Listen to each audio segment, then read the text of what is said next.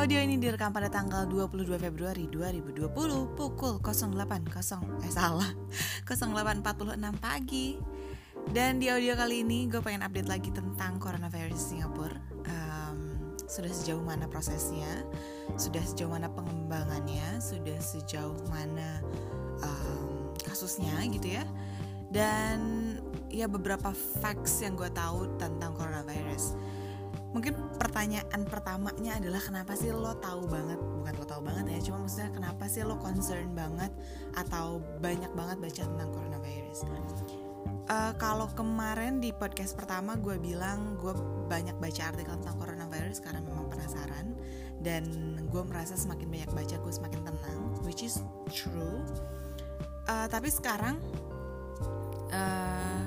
jadi gini si tempat intern gue sekarang ya tempat magang gue sekarang itu most of the clientsnya adalah organisasi di bawah pemerintahan.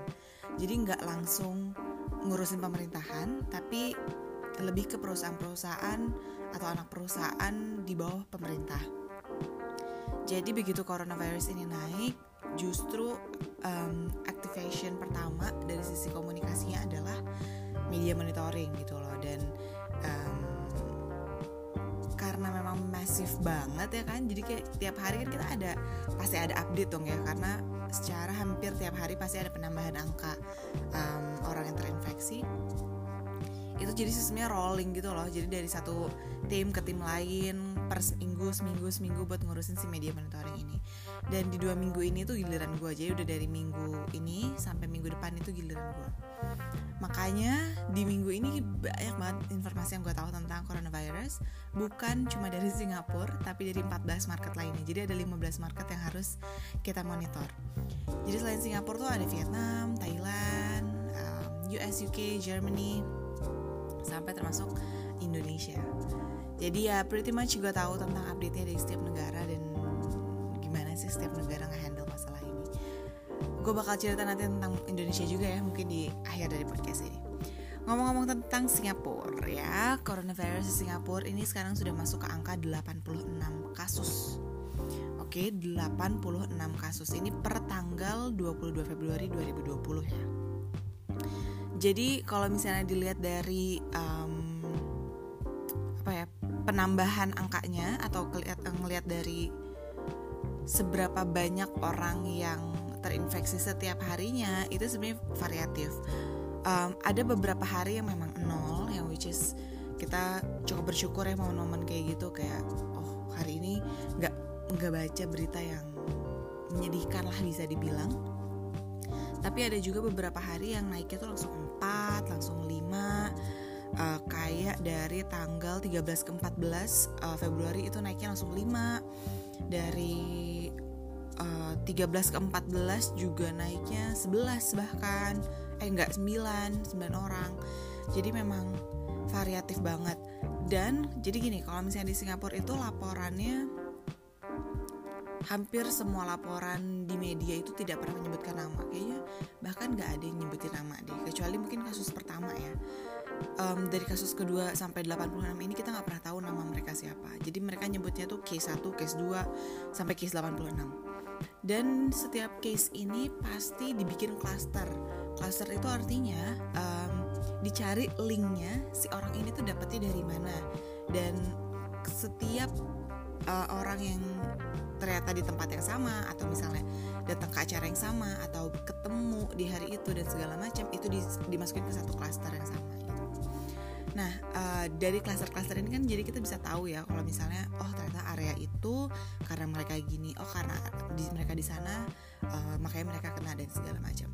Salah satu klaster yang bikin gue pernah bikin gue menarik nih, yang menarik buat gue maksudnya adalah klaster um, di salah satu gereja di Singapura jadi ada satu gereja yang um, jadi klaster yang penyum gimana ya bahasanya jadi klaster yang menyumbang paling banyak uh, kasus di Singapura yaitu si gereja ini. Uh, eh, gue nggak tahu pasti ceritanya gimana tapi kalau nggak salah itu memang pas dia pas mereka lagi beribadah di hari minggu itu ada um, apa namanya beberapa turis dari China juga yang ikut di sana.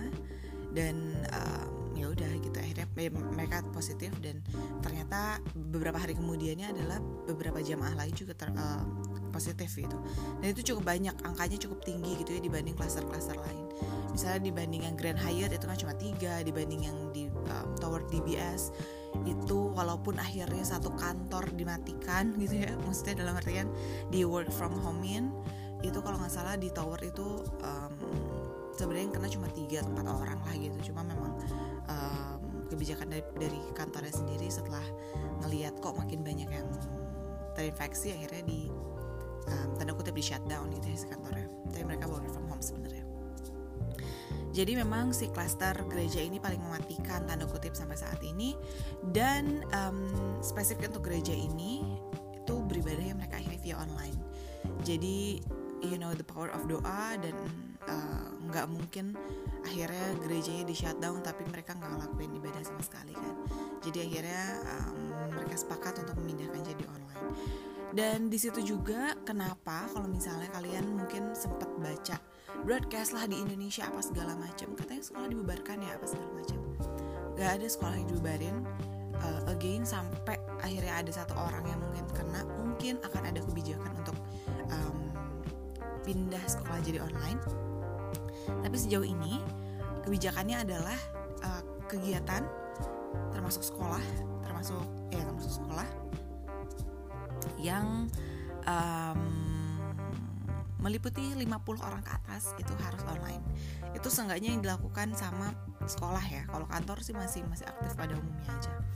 Kalau misalnya sekolah tuh di atas 50 orang tuh udah uh, harus uh, online. Termasuk kampus gue yang masuk koran karena uh, pas announcement dari pemerintah itu keluar pas banget momennya anak-anak uh, undergrad atau anak-anak S1 itu harus ujian. Jadi Hamin satu mereka masih confirm kalau misalnya uh, ujiannya di sekolah uh, besoknya mereka dapat pengumuman kalau ujiannya harus online. Seperti itu ya. Ah serius banget ya podcast kali ini tapi nggak sih seru.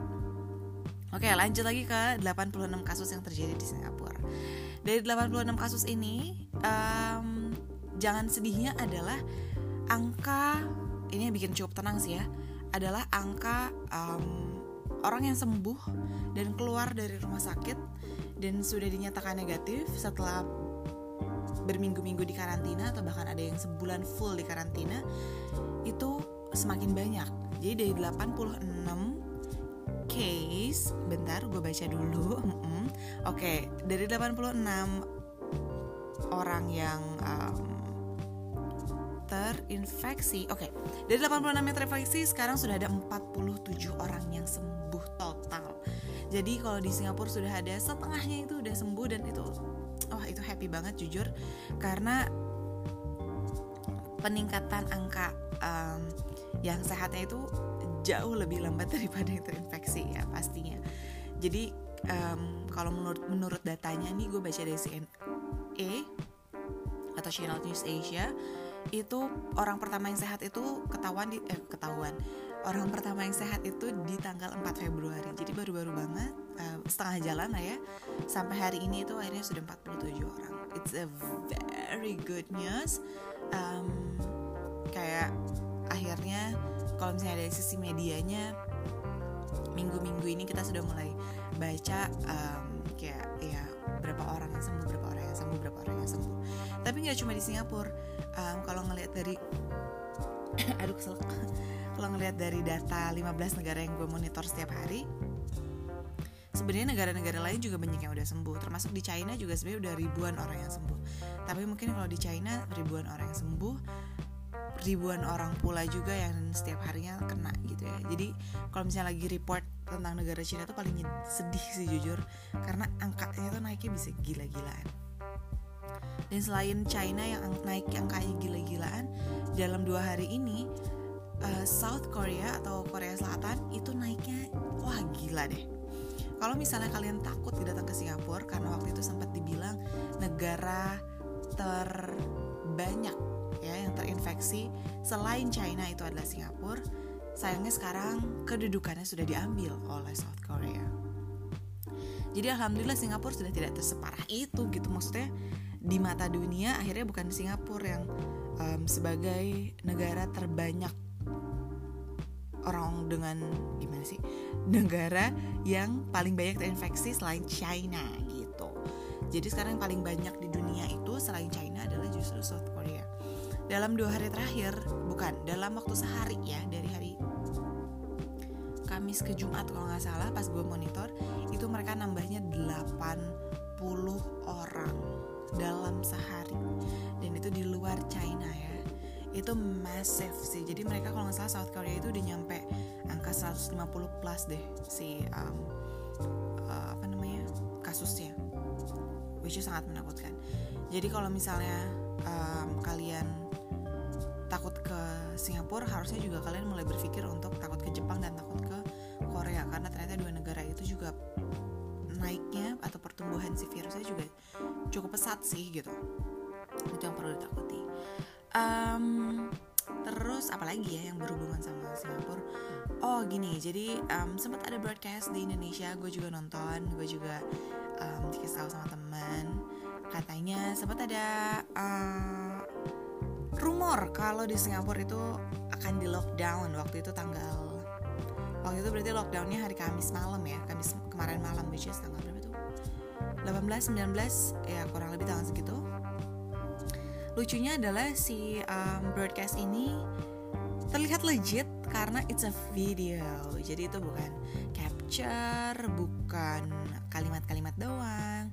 Tapi bener-bener sebuah sebuah sebuah video di mana ada seorang Malay atau orang Melayu pakai hijab gitu ya uh, act as a reporter uh, berdiri di, di satu gedung putih. Gue gak ngerti itu gedung apa nggak kelihatan. Tapi intinya dia bilang kalau dia baru uh, ya ikut pertemuan sama prime ministernya atau sama Ministry of Health Singapura terus akhirnya menyatakan kalau jam 11 jam 11 malam waktu Singapura di hari itu Singapura akan di lockdown. Artinya tidak boleh keluar rumah baik itu ke supermarket sekalipun pokoknya bener-bener nggak boleh keluar rumah. Jujur gue kaget. Kenapa kaget sama berita itu karena it's a video kayak berani banget nih orang kalau misalnya bikin fake news tapi um, niat gitu ya kayak uh, dan gue nonton per katanya ya maksudnya videonya tuh kayak satu menit setengah gitu atau dua menit dan gue nonton semuanya jadi gue cukup kaget mereka si orang ini berani banget um, nyebutin semuanya secara jelas gitu. Tapi balik lagi ke common sense gue saat itu begitu nonton videonya justru gue mikir kalau misalnya lockdown harusnya gue udah ngetrack berita ini dari pagi dan it's going to be a huge news bukan cuma bukan cuma um, apa ya berita berita-berita yang lewat-lewat doang gitu. Maksudnya kalau misalnya kalian lihat um, cara pemerintah sini mengumumkan sesuatu selama coronavirus ini uh, coronavirus outbreak ini mereka tuh sering banget melakukan press conference. Jadi kalau misalnya ada hal yang penting untuk diumumin uh, pilihan pertama mereka pasti press conference. Pilihan keduanya adalah mereka akan bikin video. Si uh, Ministry of Health-nya pasti akan ngerekam satu video terus di share ke media-media dan kalian juga bisa tonton di YouTube gitu. Kalau itu pengumuman yang sangat penting. Pun kalau pengumumannya tidak penting kayak ya cuma pengumuman-pengumuman biasa walaupun agak nggak mungkin sih ya dalam momen kayak gini ada pengumuman yang nggak mungkin dari pemerintah. Um, tapi setidaknya pasti semua media akan satu suara. Dalam artian kalau misalnya bener saat itu ada pengumuman lockdown itu pasti udah jadi headline uh, di semua koran gitu. Dan dan selama hari itu atau bahkan seminggu gue melakukan monitor itu tidak pernah ada pembahasan tentang Singapura yang akan lockdown jadi sangat lucu aja di mana um, orang-orang di luar Singapura ternyata beritanya lebih heboh dibandingkan di sini gitu karena kalau bisa share sedikit pemerintah di sini tuh lagi berusaha banget gimana caranya masyarakatnya gak anxious, gak takut dan selalu ngomongin tentang confidence level. Um, yang gue lihat uh, dari segala hal yang pemerintah udah lakuin itu justru confidence levelnya orang-orang di sini sangat-sangat meningkat jujur. Bisa dilihat dari um, penggunaan masker. Semakin orang yang percaya sama pemerintah kalau ternyata kita nggak nggak mesti lah pakai masker ke mana-mana tapi tetap mesti um, you know hygiene-nya tetap dijaga. Dan justru sekarang salah satu campaign yang sedang mereka uh, lakukan adalah untuk meminimalisir personal contact. Eh personal contact. Physical contact. Jadi kayak kemarin nih misalnya kita foto grup itu orang-orang nggak boleh nempel badannya satu sama lain. Jadi kayak haram gitu ya kayak bukan muhrim bukan muhrim. Cuma memang sebenarnya ini salah satu campaign dari pemerintah yang um, bukan dibilang unik sih ya tapi kayak masuk akal juga. Karena memang ternyata penularannya kan via um, physical contact atau ya human contact lah ya bisa dibilang. Entah itu dari splitting entah itu dari um, pegangan tangan shake hands dan segala macam segala macam. Jadi um, justru itu yang sedang kita lakukan gitu loh. Kalau misalnya nggak harus salam uh, salaman ya jangan salaman. Nggak perlu salaman kayak hai aja dan segala macam. Jadi hal-hal kayak gitu yang sedang dilakukan dan kemarin gue sempat main ke Orchard ternyata uh, dengan asumsi ih kayaknya masih kosong kali ya. Ternyata again gue rasa uh, pemerintah sukses untuk meningkatkan uh, tingkat kenyamanan dan um, kepercayaan diri saat um, krisis ini. Jadi penuh coy. Orchard ramai banget. Dan kalau misalnya gue lihat sih ramainya bukan sama turis ya. Gue jarang banget nemu turis. Atau jarang banget nemu um, orang Indonesia ya yang biasanya pada mainin di Orchard. Tapi kemarin sih rata-rata lokal kelihatannya. Um, beberapa masih pakai masker dengan asumsi mereka sakit. Uh, banyak atau sebagian besar justru nggak pakai masker. Dan jujur psychologically buat gue sendiri itu merasa lebih aman. Bukan lebih aman ya tapi lebih nyaman gitu loh. Kayak kebayang gak sih kalau ada satu negara yang semuanya pakai masker gitu pasti kan lo stres sendiri. Dan mungkin stresnya itu yang bikin imunitas lo turun.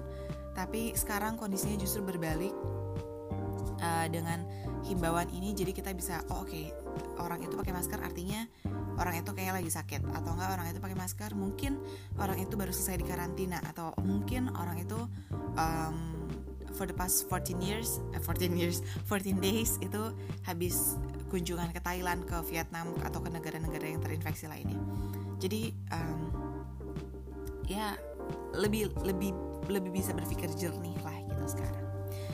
Dan um, terakhir nih ya salah satu consideration yang harus kalian pikirkan juga menurut gue uh, tentang bepergian ke Singapura dan bepergian ke negara-negara terinfeksi lainnya sebenarnya in general adalah um, sudah banyak beberapa negara di luar sana yang akhirnya melakukan travel ban ke untuk Taiwan, Thailand, dan Singapura. Ada juga beberapa negara yang meningkatkan uh, regulationnya jadi uh, diperketat regulationnya untuk beberapa negara termasuk Jepang, Taiwan, Thailand, Hong Kong, uh, Singapura. Um, tidak untuk Indonesia, jadi pemerintah uh, Bapak Terawan dari pemerintah uh, Ministry of Health Indonesia udah announce kalau sejauh ini mereka tidak terpikirkan untuk ngeban um, siapa pun yang baru pulang dari Singapura uh, atau yang datang dari Singapura, uh, tapi mereka semua udah ngeban dari dari kunjungan dari Cina ya. Uh, yang artinya adalah kalau misalnya kalian memang mau berkunjung ke Singapura, make sure negara selanjutnya yang kalian kunjungi um, tidak menerapkan travel ban untuk um, Singapura. Jadi rata-rata kalau misalnya gue lihat ya peraturannya itu adalah 14 hari terakhir uh, kalau misalnya lo udah masuk ke Singapura misalnya lo nggak boleh uh, masuk ke negara tersebut. Salah satu negara yang udah nge-travel eh nge-travel yang udah nge-ban adalah Israel. Jadi Israel udah secara uh, official udah announce kalau mereka ngeban orang-orang dari Singapura, which is gue nggak bisa ke Israel. Jadi uh, what I'm trying to say adalah kalau misalnya kalian akhirnya datang ke Singapura untuk ber berkunjung, um, make sure ya setelah dari Singapura ya pulang dulu ke Indonesia untuk 14 hari sebelum akhirnya pindah ke negara lain yang memang ada travel ban-nya atau ya secara logik kalian udah gak bisa masuk ke Israel gitu loh kalau misalnya kalian udah mengunjungi Singapura gitu. Itu yang harus dipikirin sih um, terlepas dari apa pun yang terjadi di Singapura. Karena sebenarnya di Singapura baik-baik aja. Eh maksudnya nyaman-nyaman aja kok gitu semua masih baik-baik aja. Um, bener-bener baik-baik aja kalau misalnya ada beberapa di antara kalian yang um, for the past days mengunjungi Singapura pasti percaya dan agree sama gue kalau misalnya semuanya baik-baik saja gitu. Bahkan yang lebih menenangkan yang lagi adalah media media-media di luar lu gue lupa medianya apa tapi kayak Bloomberg dia atau Forbes atau apa um, atau dari WHO-nya kalau nggak salah yang ngumumin kalau um, sistem pendeteksi coronavirus di Singapura adalah yang terbaik sedunia. Oh enggak, ini dari Harvard. Ya Harvard klaim itu. Jadi um, ya di momen ini sih gue udah terlanjur percaya sama pemerintahnya dan apa pun yang mereka bilang. Makanya mungkin hidupnya hidup gue jadi lebih tenang daripada gue woro-woro bingung sana sini gitu ya. Ya udah nurut aja gitu. Da dengan semua apa ya? Um, dengan semua hal yang akan terjadi setelah gue pulang dari Singapura termasuk travel ban ya itu udah gue terima dengan lapang dada sih kayak ya udah gitu kalau misalnya memang nggak boleh karena history gue yang udah stay di Singapura selama setahun ya udah gitu. Mau apa mau gimana lagi gitu kan ya? Uh, bisa dibilang. Uh, terakhir uh, update dari Indonesia nih ya. Uh, sebelum gue wrap up podcast kali ini. Uh, kalau misalnya dari pemerintah Indonesia gue nggak tahu sih ya. Sejujur gue nggak baca berita dari Indonesia again. Um, tapi kalau dari media-media luar sejauh ini di Indonesia itu masih tetap diklaim sebagai nol alias zero case yang akhirnya membuat media-media besar termasuk Al Jazeera mempertanyakan apakah benar di Singapura eh, di Singapura di Indonesia itu masih nol um, gue nggak mau bikin takut gue nggak mau bikin nggak mau seuzon sama pemerintah. Gue percaya di sana masih nol gue percaya orang-orang di sana sehat. Tapi for your information sebenarnya sudah ada tiga bukan empat WNI ya warga negara Indonesia yang sudah terinfeksi. Satu orangnya adalah ingat um, case yang ada di Singapura salah satu case ke 20 plat 20 sekian lah ya di Singapura itu adalah WNI tapi alhamdulillahnya dia sudah sehat jadi dia keluar dari rumah sakit di minggu-minggu ini kalau nggak salah. Dan tiga orang lainnya adalah um, WNI yang bekerja di Diamond Cruise jadi Diamond Cruise ini adalah kapal yang berlayar dari Jepang kalau nggak salah. Uh, sebenarnya tujuannya ke beberapa negara tapi tiba-tiba um, di tengah jalan gitu ya uh, banyak dari penumpangnya yang terinfeksi. Sampai angka terakhir itu mungkin udah 200 plus deh 200 sekian atau mungkin reaching to 300 uh, orang yang terinfeksi. Nah di kapal itu tuh ada 78 orang Indonesia. 78 nya setahu gue adalah um, kru ya. Jadi pekerja di kapal tersebut.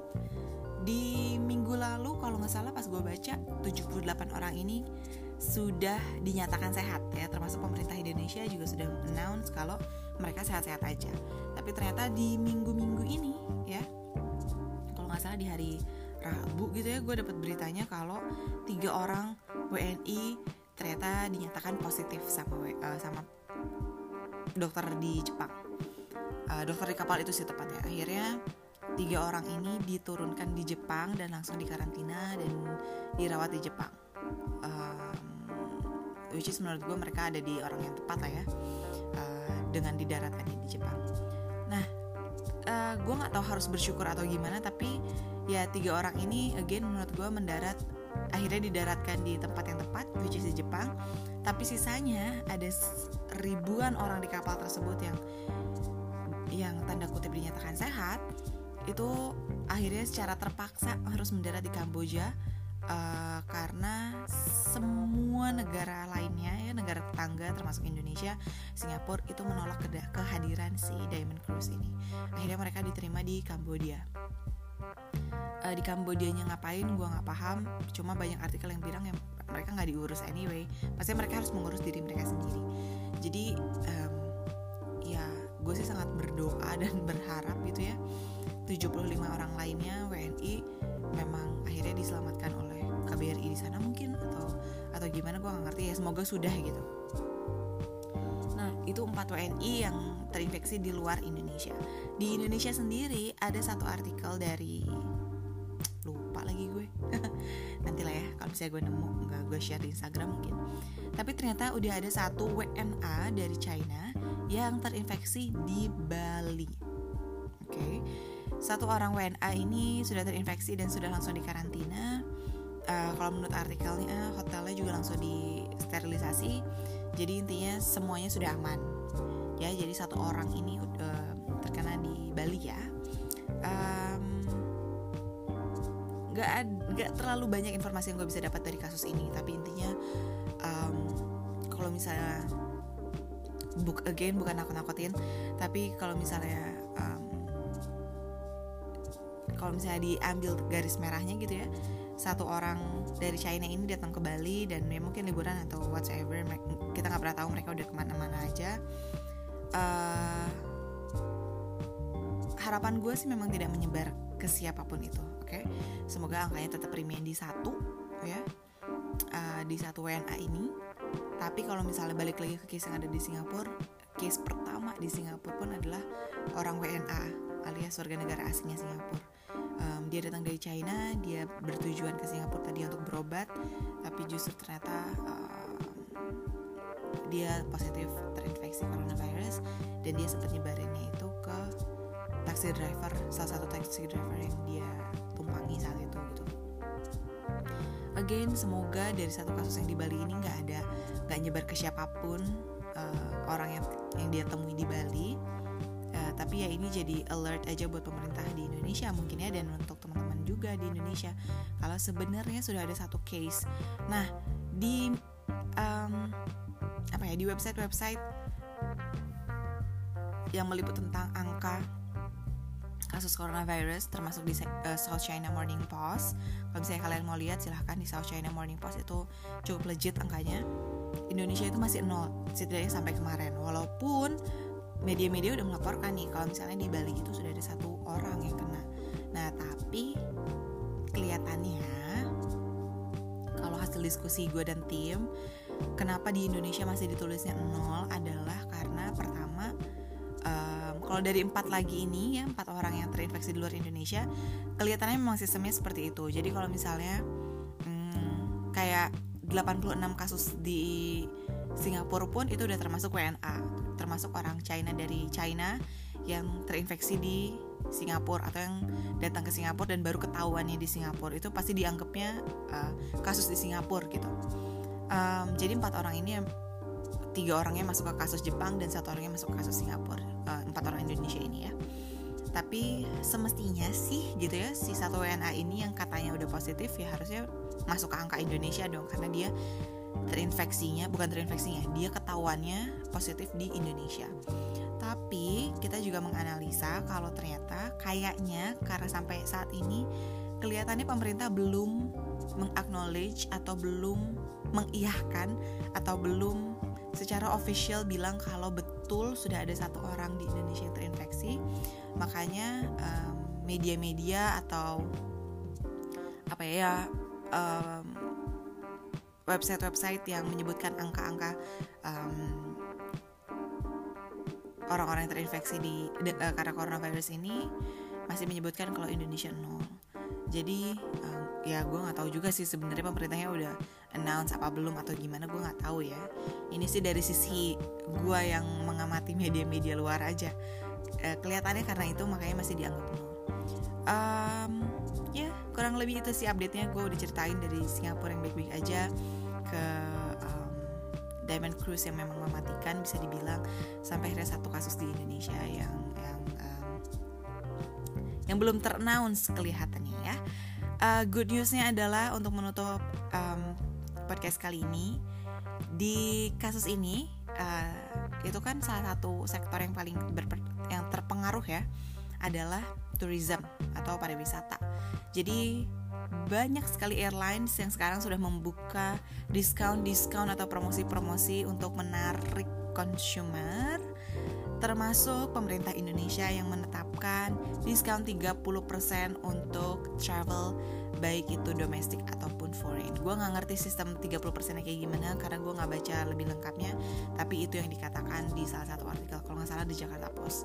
Jadi kalau misalnya kalian pengen ngecek sebenarnya um, diskon apa yang pemerintah Indonesia kasih untuk meningkatkan um, angka pariwisata di momen seperti ini ya silahkan googling sendiri tapi kalau nggak salah tuh ada diskon 30% terus Silk Air kalau nggak salah ada diskon kalau nggak salah ya. Um, terus Philippines gitu atau negara-negara kayak cukup banyak lah pemerintah-pemerintah di selain Indonesia juga yang memberikan diskon atau promotions.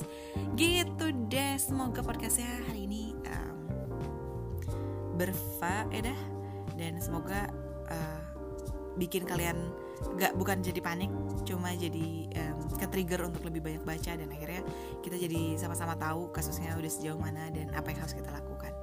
Um, ya pokoknya jaga kebersihan itu yang paling penting jaga kebersihan dan jangan sampai sakit sama sekali. Kalau bisa sih jangan sampai sakit terutama flu. Karena artikel-artikel juga bilang kalau ternyata uh, coronavirus ini tidak bisa disamakan dengan SARS ya uh, virus SARS penyebarannya tapi justru penyebarannya itu lebih mirip dengan flu pada umumnya. Terima kasih sudah mendengarkan. Bye bye